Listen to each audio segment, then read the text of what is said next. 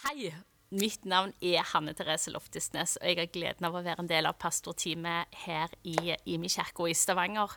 Og i dag, i dag skulle jeg ønske at jeg, sånn som Elling tidligere, kunne stått her og ropt 'Kristus er oppstanden', og så hadde dere svart, som dere allerede har svart i dag, 'Ja, sannelig, han er oppstanden'. Og så hadde vi feira i lag. Jeg skulle ønske at vi kunne ha, som i fjor, hatt metervis med kake i torget. Og feira denne fantastiske dagen. At vi kunne hatt festlovsang i lag her i fellesskap. Og bare vært i lag. Fordi at denne dagen her, første påskedag, dette her er, det er vår dag. Dette her er selve dagen.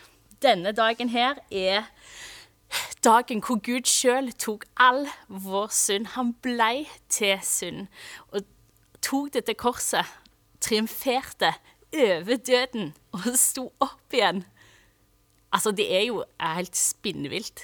Og samtidig det absolutt mest fantastiske noensinne. Så hvis ikke det har vært en fest, så vet i hvert fall ikke jeg. Så før jeg begynner sånn skikkelig, så vil jeg si to ting. Og det første er jeg vet ikke når på dagen du ser denne talen. Det kan være tidlig på morgenen, det kan være sent på kvelden, det kan være midt på dagen. Men hvis du ikke ennå har funnet fram kaka eller sjokoladen, eller hvis du heter Geir Loftnesnes, funnet fram druene eller mangoen, eller hva du feirer med, hvis du ikke har spurtet mosellen eller latt kaffekoppene renne over, så har du min tillatelse til når som helst i løpet av den neste kanskje 25 minuttene jeg holder på, til å sette meg på pause og gå og finne fram det du trenger for å feire. Fordi at selv om vi ikke får feire her med kake ute i torget i dag, så sikrer deg at du får feire skikkelig der hjemme. For det er ingen dag i hele verden som er bedre å feire enn nettopp denne dagen. Og den andre tingen, det er at når det er trygt og godt, og vi har lov igjen å feire som storfellesskap, i IMI og her i Stavanger, så lover jeg at vi skal feire med kake. Jeg lover at vi skal feire med metervis med kake. Både for å feire at Jesus Kristus døde og sto opp igjen, men òg for å feire at vi endelig får være i lag igjen. Så det blir kake. Sikre deg at du får kake hjemme i dag, eller et eller annet som tilsvarer feiring for deg. Og så blir det kake på et eller annet tidspunkt når vi får samles igjen. Og det ser jeg skikkelig fram til. Så for en festdag det blir, men for en festdag dette er. Og månedsvis siden, når jeg uh, sa ja til at jeg hadde lyst til å tale på første påskedag, så var det liksom bare en sang som surra i hodet mitt. Og jeg tror det skal ligge en link liksom, et eller annet sted nede her. Um, som er av Rent Collective, som heter Rescuer. Eh, og når jeg, hørte, eller, når jeg hørte den, når jeg tenkte på den, så var det sånn Dette dette er første påskedagssangen. For det er en sang som bare er så tydelig på at både han er vår redningsmann, men han er òg de vanvittig gode nyhetene. Han er gode nyheter for alle. Og det er det vi skal snakke om i dag. At han er gode nyheter. Han er de beste nyhetene. Han han er verdens beste nyheter.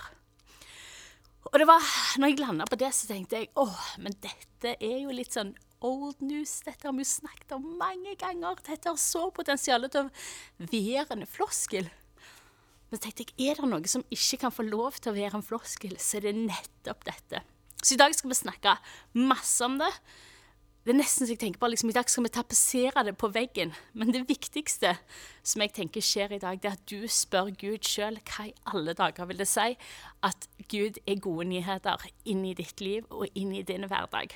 Så om det er det eneste du husker, eller det eneste du gjør etter denne preika, håper det er flere andre ting, men om det er dette du husker, så gjør det. Det er det viktigste.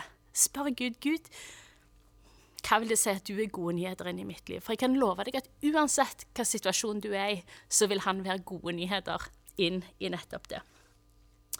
Så du skal altså spørre han om det sjøl, men jeg skal også gi deg noen tanker. Det er mitt privilegium.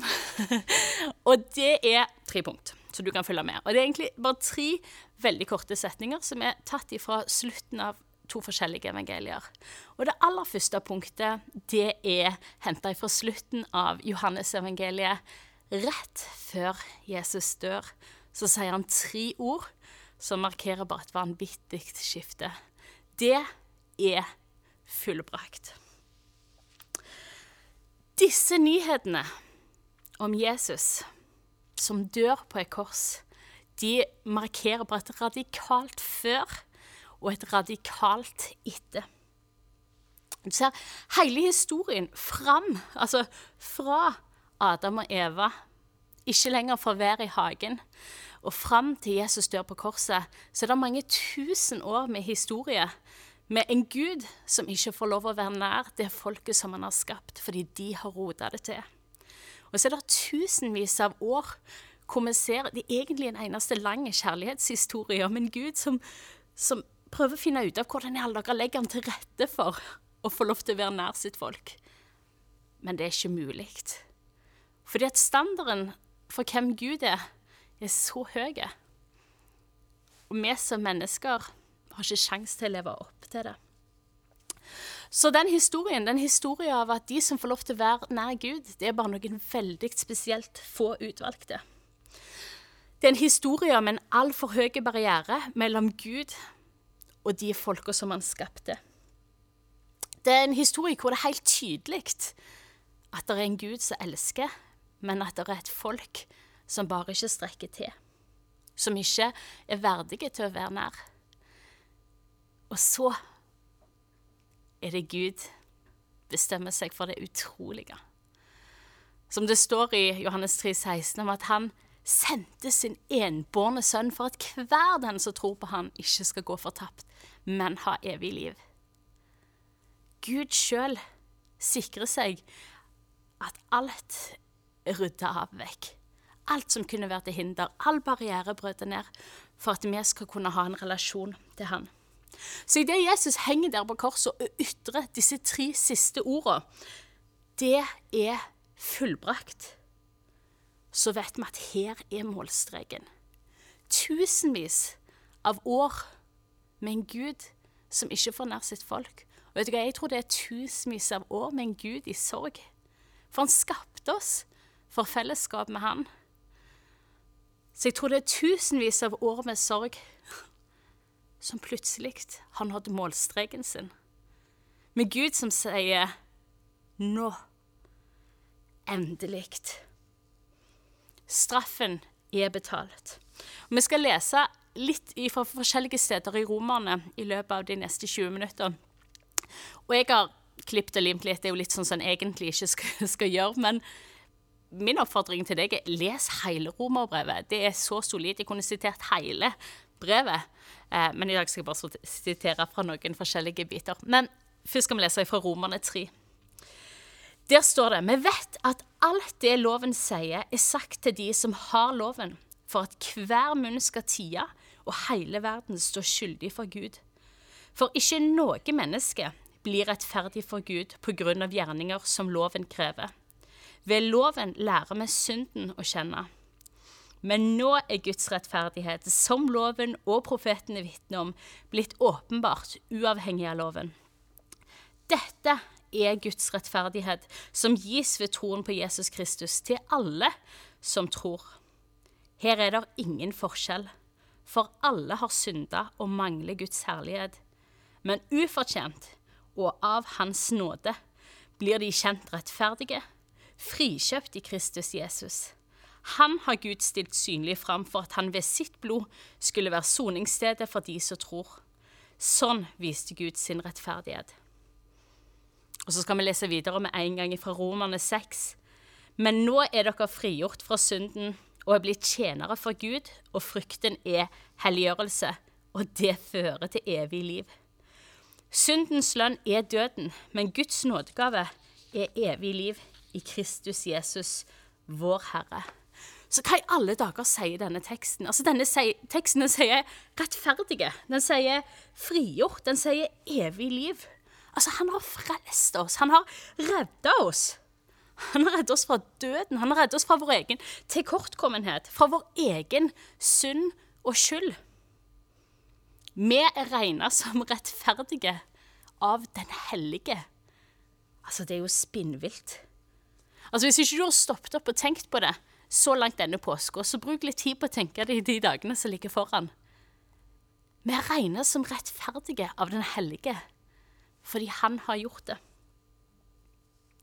Altså, for oss er det en veldig oppløftende lesing. Kan vi ikke bare det så, Er det sånn at vi hadde verdens dårligste odds? Med evighetens dårligste framtidsutsikter? Og så setter Gud sjøl bare en sluttstrek. Så sier han det er fullbrakt. Så dette punktet her, det er til oss som av og til tenker er jeg god nok? Har jeg gjort nok? Kan han tilgi dette?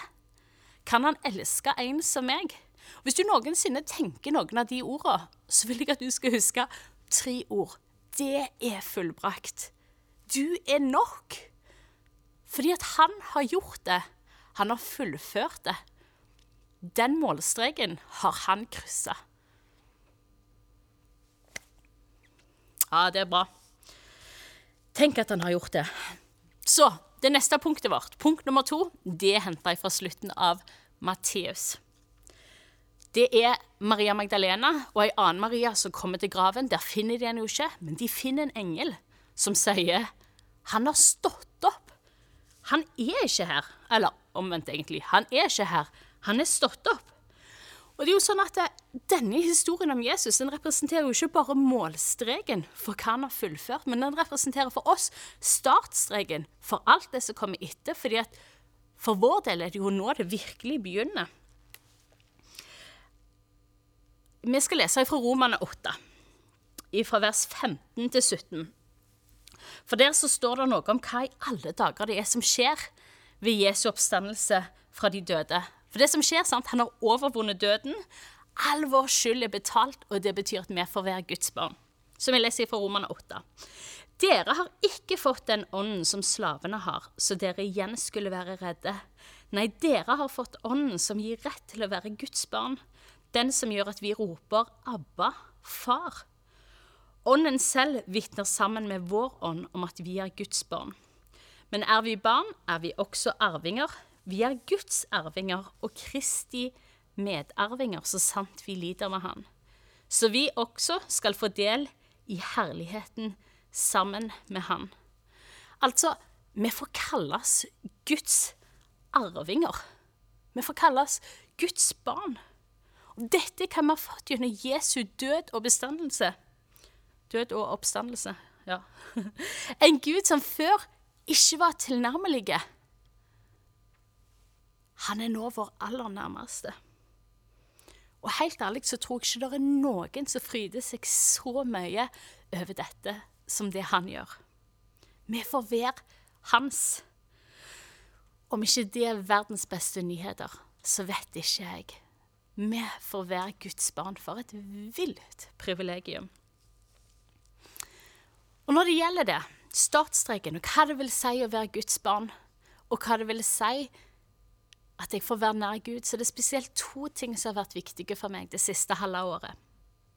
Det første det handler om at døden Fordi Jesus gjorde det han gjorde, så er ikke døden lenger død for oss. Vi leser fra Romerne 14, og der står det om vi lever, så lever vi for Herren, og om vi dør, så dør vi for Herren. Enten vi da lever eller dør, hører vi Herren til. Det var derfor Kristus døde og ble levende igjen, for at han skulle være herre over både levende og døde. Altså, sjøl ikke døden kan skille oss fra han. Og nettopp det er noen av de aller beste nyhetene for meg, altså. Fordi vi får lov til å leve med en himmel over livet vårt. Vi får leve med et vanvittig håp om det som ligger foran. Vi kan sikkert være enige i det alle sammen at dette livet har definitivt sine oppturer og sine nedturer. Men vi får leve med en forventning om en helt ubeskrivelig evighet som ligger foran oss. En evighet uten sidestykke.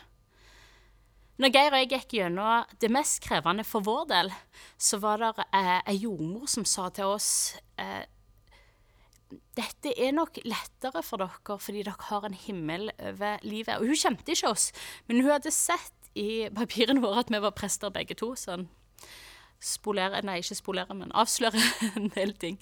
Um, og med det mente hun jo ikke at uh, den sorgen som folk har, eller det som vi hadde, var, var, lett, var lett men at vi hadde et håp som var langt større. enn oss sjøl. Og for meg så var nettopp de ordene en himmel over livet, og en himmel over dette. Det var nesten så i positiv forstand ei krykke. I de dagene som var steintunge, og i de dagene som var gode òg. At jeg ha en himmel over livet. Det er noe annet på slutten av dette her. Og I begynnelsen av mars så var jeg i begravelse til min mormor. Hun fikk leve et langt liv, og hun er nå hjemme hos Jesus. I den begravelsen så så hadde presten eh, en nydelig preik hvor han, hvor han, snakket om Det var jo naturlig, det var vår og blomster, og mamma var glad i blomster. Og så brukte han dette klassiske bildet om at sant, gjennom vinteren så ser alt mørkt og svart og dødt ut, men så plutselig begynner det å spire. Og hvordan det er et bilde på nettopp oppstandelsen, på at det som ser eller det som er dødt, det som ser helt dødt ut, det er noe helt annet. Og så hadde han denne her ene setningen om at for oss som tror på Jesus, så er ikke døden lenger et punktum, men det er et komma.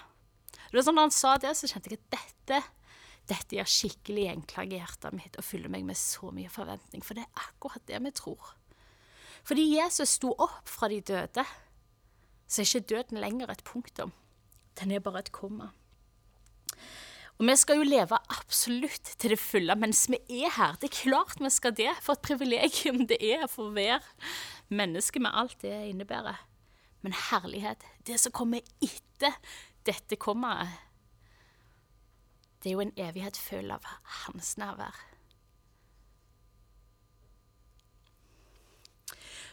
Så Jesus sin oppstandelse fra de døde, det er både godt nytt om en himmel over livet. Men det er òg godt nytt for hver eneste dag som vi lever. Fordi at Jesus han har stått opp for de døde, og det har konsekvenser for hver eneste dag. Det har konsekvenser for hverdagen din.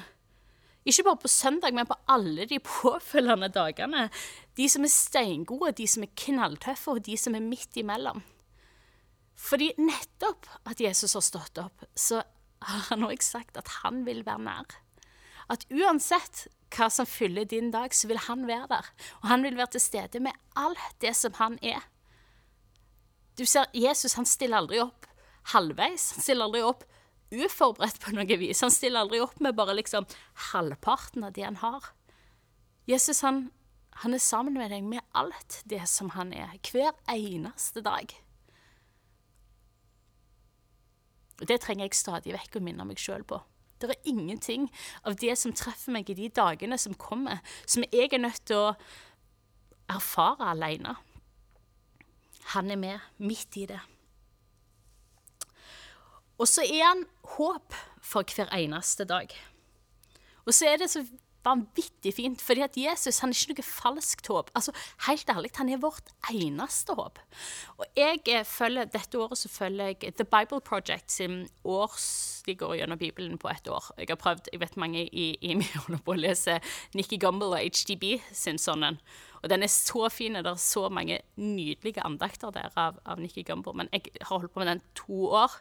Altså to år begynte jeg på den. Jeg var liksom hvert år hang jeg liksom 70 dager etter. Så jeg tenkte å begynne på ny, ny start. Så jeg begynte med Bible Project sin. Og den har jeg hatt så mye glede av. Eh, så hvis du ikke har sett noen av Bible Project sine filmer før, så vil jeg bare anbefale deg å se dem. Men i dag har jeg lyst til å rette blikket deres spesielt. Altså, jeg skal rette det mot to filmer. Link kanskje under her. Um, to filmer. Uh, det er, de gjør sånn word study om alle slags forskjellige ord i Bibelen. Men i, i dag så er det disse her to. Den ene som handler om evangelion, altså om evangeliet. Eh, og så har de en som handler om håp. Og nå skal vi få se en kort snutt nettopp derifra. Biblical hope is based on a person, which mm. makes it different from optimism. Optimism is about choosing to see in any situation how circumstances could work out for the best. But biblical hope is not focused on circumstances. In fact, hopeful people in the Bible mm. often recognize there's no evidence things will get better, but you ah. choose hope anyway. Like the prophet Hosea, he lived in a dark time when Israel was being oppressed by foreign empires, and he chose hope when he said God could turn this valley of trouble into a door of hope, like the day when Israel came up from the land of Egypt. God had surprised his people with redemption back in the days of the Exodus, and he could do so again. So it's God's past faithfulness that motivates hope for the future. You look forward by looking backward, trusting in nothing other than God's character. It's like the poet. Ikke det så nydelig? Det er Bibelsk håp det er liksom ikke basert på optimisme. Det er ikke basert på odds, det er ikke basert på positive vibber eller omstendigheter eller omgivelser. Det er basert på en person, og han er den samme. Når jeg så denne videoen, kjente jeg bare dette, dette elsker jeg. For det er dette håpet vi er kalt til. Vi har et håp til Han. Det forandrer alt. Det er helt uavhengig av alt jeg står i. Helt uavhengig av meg sjøl. Men jeg får feste håpet mitt til Han. Så vi, fordi Jesus er hvem Jesus er, kan ha håp for hver eneste dag. Uansett noen omstendigheter vi har. Fordi vår håp knyttes til hvem Han er, og for en Gud vi tror på. Så dette punktet her, det er om du noensinne lurer på om han er nær deg, eller om han vil være nær deg, så husk disse ordene. Han har stått opp. Det var derfor han sto opp. For å få være nær deg. For å være i relasjon med deg. For å være i fellesskap med deg. Han vil være nær deg. Det tredje punktet, det er Skynd dere av sted og si til disiplene hans han er stått opp fra de døde. For alt i verden, disse fantastiske nyhetene, ikke hold de for deg sjøl. Jeg vet ikke om det har vært sånn for deg, men i det dypeste og det mørkeste som jeg var i, så var liksom det store spørsmålet mitt var Gud, hva hadde jeg gjort hvis jeg ikke hadde deg i dette? Og så slo det meg litt, at det, eller det ble rett og slett litt alvorlig for meg. Tenk, tenk på alle de som som ikke får ha deg med i dette, fordi de kjenner deg ikke. Og det alvoret, det er på et vis vårt ansvar. Vi som har fått ta imot de gode nyhetene, og faktisk få gi de videre. La folk rundt deg få erfare de gode nyhetene. Det var en som sa det sånn at det skjer noe med verden når folk begynner å fortelle de gode nyhetene, og begynner å leve som om de faktisk tror de. Det skjer noe med verden når folk begynner å fortelle de gode nyhetene og leve som de faktisk tror de. Og det er vårt privilegium som har fått tatt imot. Pave Johannes Paul den andre, han har et sitat som jeg syns er helt nydelig. Og det er We are the Easter people, and our song is halleluja. Vi er påskefolket, og vår sang, det er halleluja. Altså, påskefolket. Hele året fordi han er gode nyheter hele året, hver eneste dag. Og spørsmålet er hvordan i alle dager kan dette her se ut? Hvordan kan du få gi verdens beste nyheter, du som har fått tatt dem imot? Om du lurer på om du har det som trengs for å være gode nyheter, ikke tvil. Det vi har fått, det er det vi gir videre. Det er ikke noe mer vi skal prestere enn det. Gi videre det du allerede har tatt imot. Og vet du hva, folkens, det er et vanvittig privilegium. Så helt til slutt så er det tre ting som vi da står igjen med. Han er verdens beste nyheter for hver eneste dag. Det er overskriften vår. Det er fullbrakt. Han har stått opp. Skynd dere av sted og si det. For et vanvittig privilegium, og for en dag vi feirer i dag. Jesus har stått opp. Det forandrer alt. Denne dagen, denne dagen er den beste og viktigste i menneskehetens historie. Hvis du ikke har funnet fram kaka før nå, så sikrer deg at du gjør det nå. Men ta med deg denne bønnen fra romerne før vi sier ha det. Må håpets Gud fylle deg med all glede og fred i troen, så dere kan bli rike på håp ved Den hellige ånds kraft. Gode i min familie, fantastisk. Gratulerer med dagen. Gleder meg til jeg endelig skal få gi dere alle en klem igjen. Vær velsigna. He's our rescuer.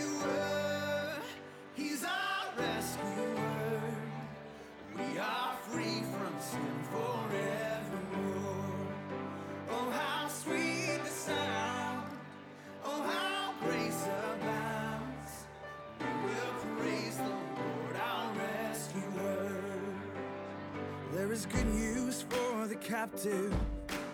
Good news for the shame. There is good news for the one who walked away. There is good news.